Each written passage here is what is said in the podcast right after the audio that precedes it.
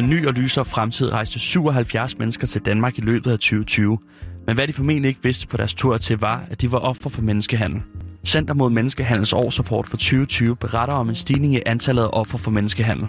Hårdest går det ud over kvinder, der bliver handlet til seksuel udnyttelse, altså prostitution. Men hvem er de personer, der bliver offer for menneskehandel? Vi møder et af offerne og nogle af dem, der forsøger at hjælpe i dagens indsigt. Din vært i dag, det er mig, Jonas Emil Jacobsen. Velkommen til.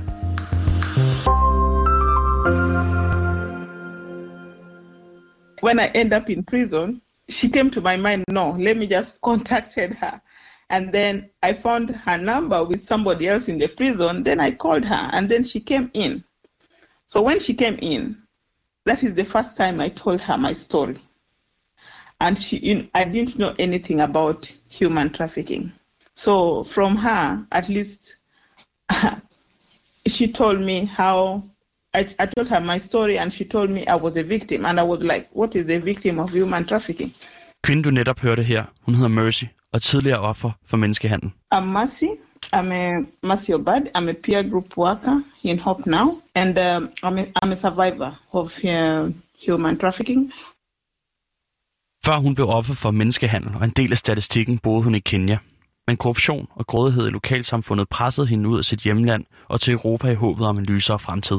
Det er netop mennesker som Mercy årsrapporten fra Center mod Menneskehandel handler om. Den er en del af deres arbejde for at give et mere nuanceret billede af tendenser i menneskehandel i Danmark. Og 2020 malede endnu en gang et velkendt billede af menneskehandel i Danmark. Det fortæller Trine Ingemannsen, der leder af Center mod Menneskehandel. Der er nogle ting, der ligner hinanden, som det har gjort for andre år, at det stadig er seksuel udnyttelse, der er den mest øh, øh, den hyppigste udnyttelsesform. Men vi har faktisk identificeret flere ofre end året før. Vi har fået færre henvendelser på vores hotline, men vi har identificeret flere ofre. Center mod Menneskehandel er en del af Socialstyrelsen, og udover oplysning og vidensdeling er koordinering en stor del af deres arbejde. Der er jo rigtig mange myndigheder involveret. Ofte så kan det være politiet, eller det kan være Skattestyrelsen eller Arbejdstilsynet, som støder på, på potentielle ofre.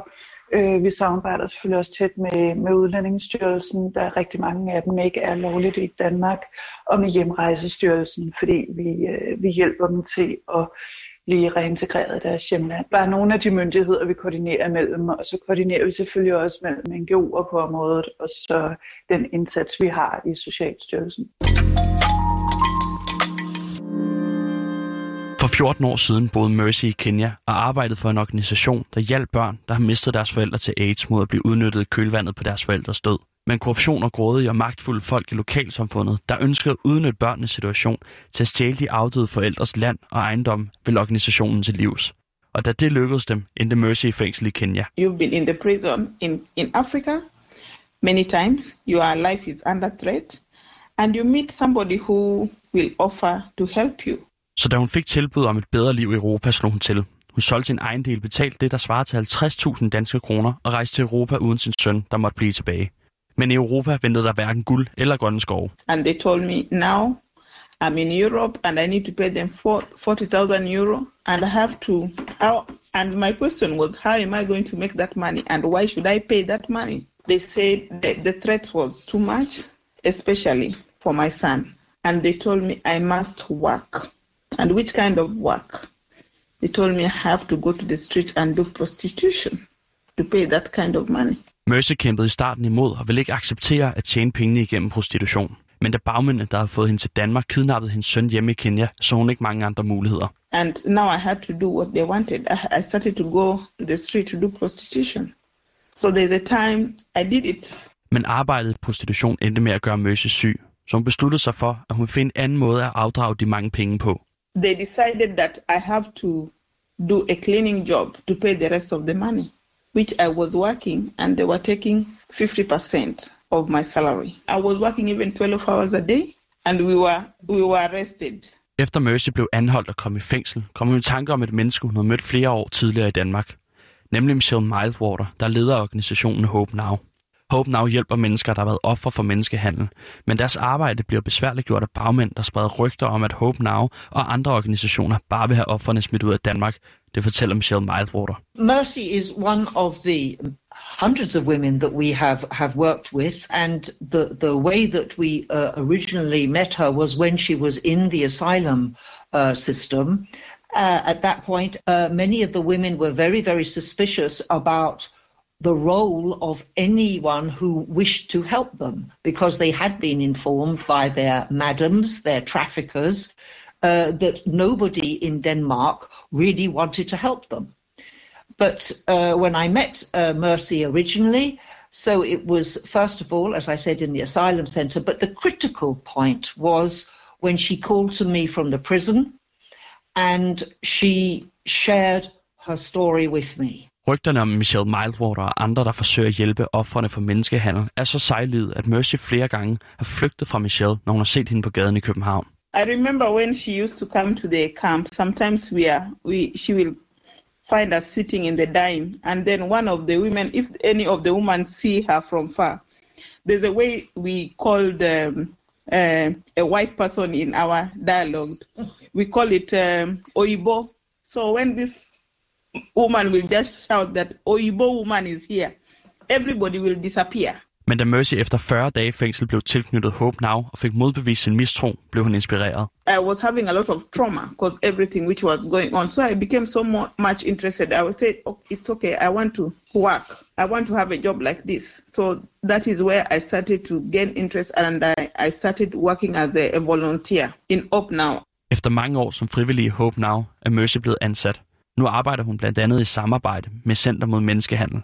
Og selvom vi næppe ser en verden uden menneskehandel lige forløbig, så er det netop samarbejder som det Hope Now og Center mod Menneskehandel har, der kan være med til at komme det til livs, fortæller Trine Ingemannsen. Jamen, det er jo den, den lange vej omkring, om man så må sige, ikke? at alle involverede aktører har fokus på området og fortsat øh, arbejder benhårdt på at, at sætte ind, hvor man kan.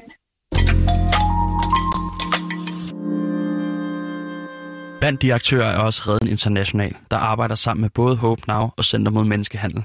Reden International er en af de ældste organisationer, der hjælper udenlandske kvinder i sexarbejde, herunder kvinder, der er offer for menneskehandel. Malene Musholm, der er teamleder i Reden International, fortæller, at problemet er meget større, end vi kan håndtere som enkelt land.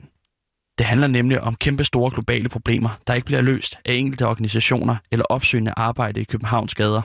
Men det er derimod der, vi kan gøre noget, nemlig på Københavns gader på det helt fluffy, overordnede plan, skulle vi jo have meget mere global lighed, så, så de her mennesker også øh, kunne træffe nogle valg i deres liv, ligesom vi andre kan. Med noget hjælp, altså hjælp, øh, rådgivning til mig- sårbare migranter. Redden International bruger meget af deres tid på at opsøge dem, der kommer hertil fra andre lande. Ligesom Hope Now forsøger de nemlig at opbygge tilliden mellem deres organisation og de potentielle ofre. Vi har heldigvis lavet opsøgende arbejde i mange år, og det er jo det er jo en indsats, der, der betaler sig øh, på lang sigt tit, fordi så kender kvinderne os. Hvis vi ser nogle nye, så præsenterer de os øh, for dem. Øh, når man har lavet opsøgende arbejde, om det er øh, på telefon i forhold til escort, eller man kører ud på klinikker, eller man gør det på gaden, så lærer øh, folk jo også hurtigt at kende at de tilbud, man har. Så mange begynder jo også at henvende sig selv og tage venner med, eller nogen, de arbejder sammen med. De peger på netop samarbejde mellem organisationer og stat som en del af løsningen på menneskehandel. Og det samme vej både Center mod Menneskehandel og Hope Now peger. De håber på, at det tætte samarbejde fortsætter i fremtiden, så er de bedst muligt klædt på til at identificere offerne for menneskehandel. For ifølge Michelle Mildwater er folk, der bliver udsat for menneskehandel, offer for en forbrydelse, men ikke offer i sig selv. And we hope always to be able to uh, partner with the other organizations and with the authorities to make sure that we are really able to implement the action plan and to protect and empower uh, people like Mercy because traffic people are victims of a crime, but they are not victims as people. They are people with a lot of courage, with a lot of power, and with a great desire uh, to change their lives for the better.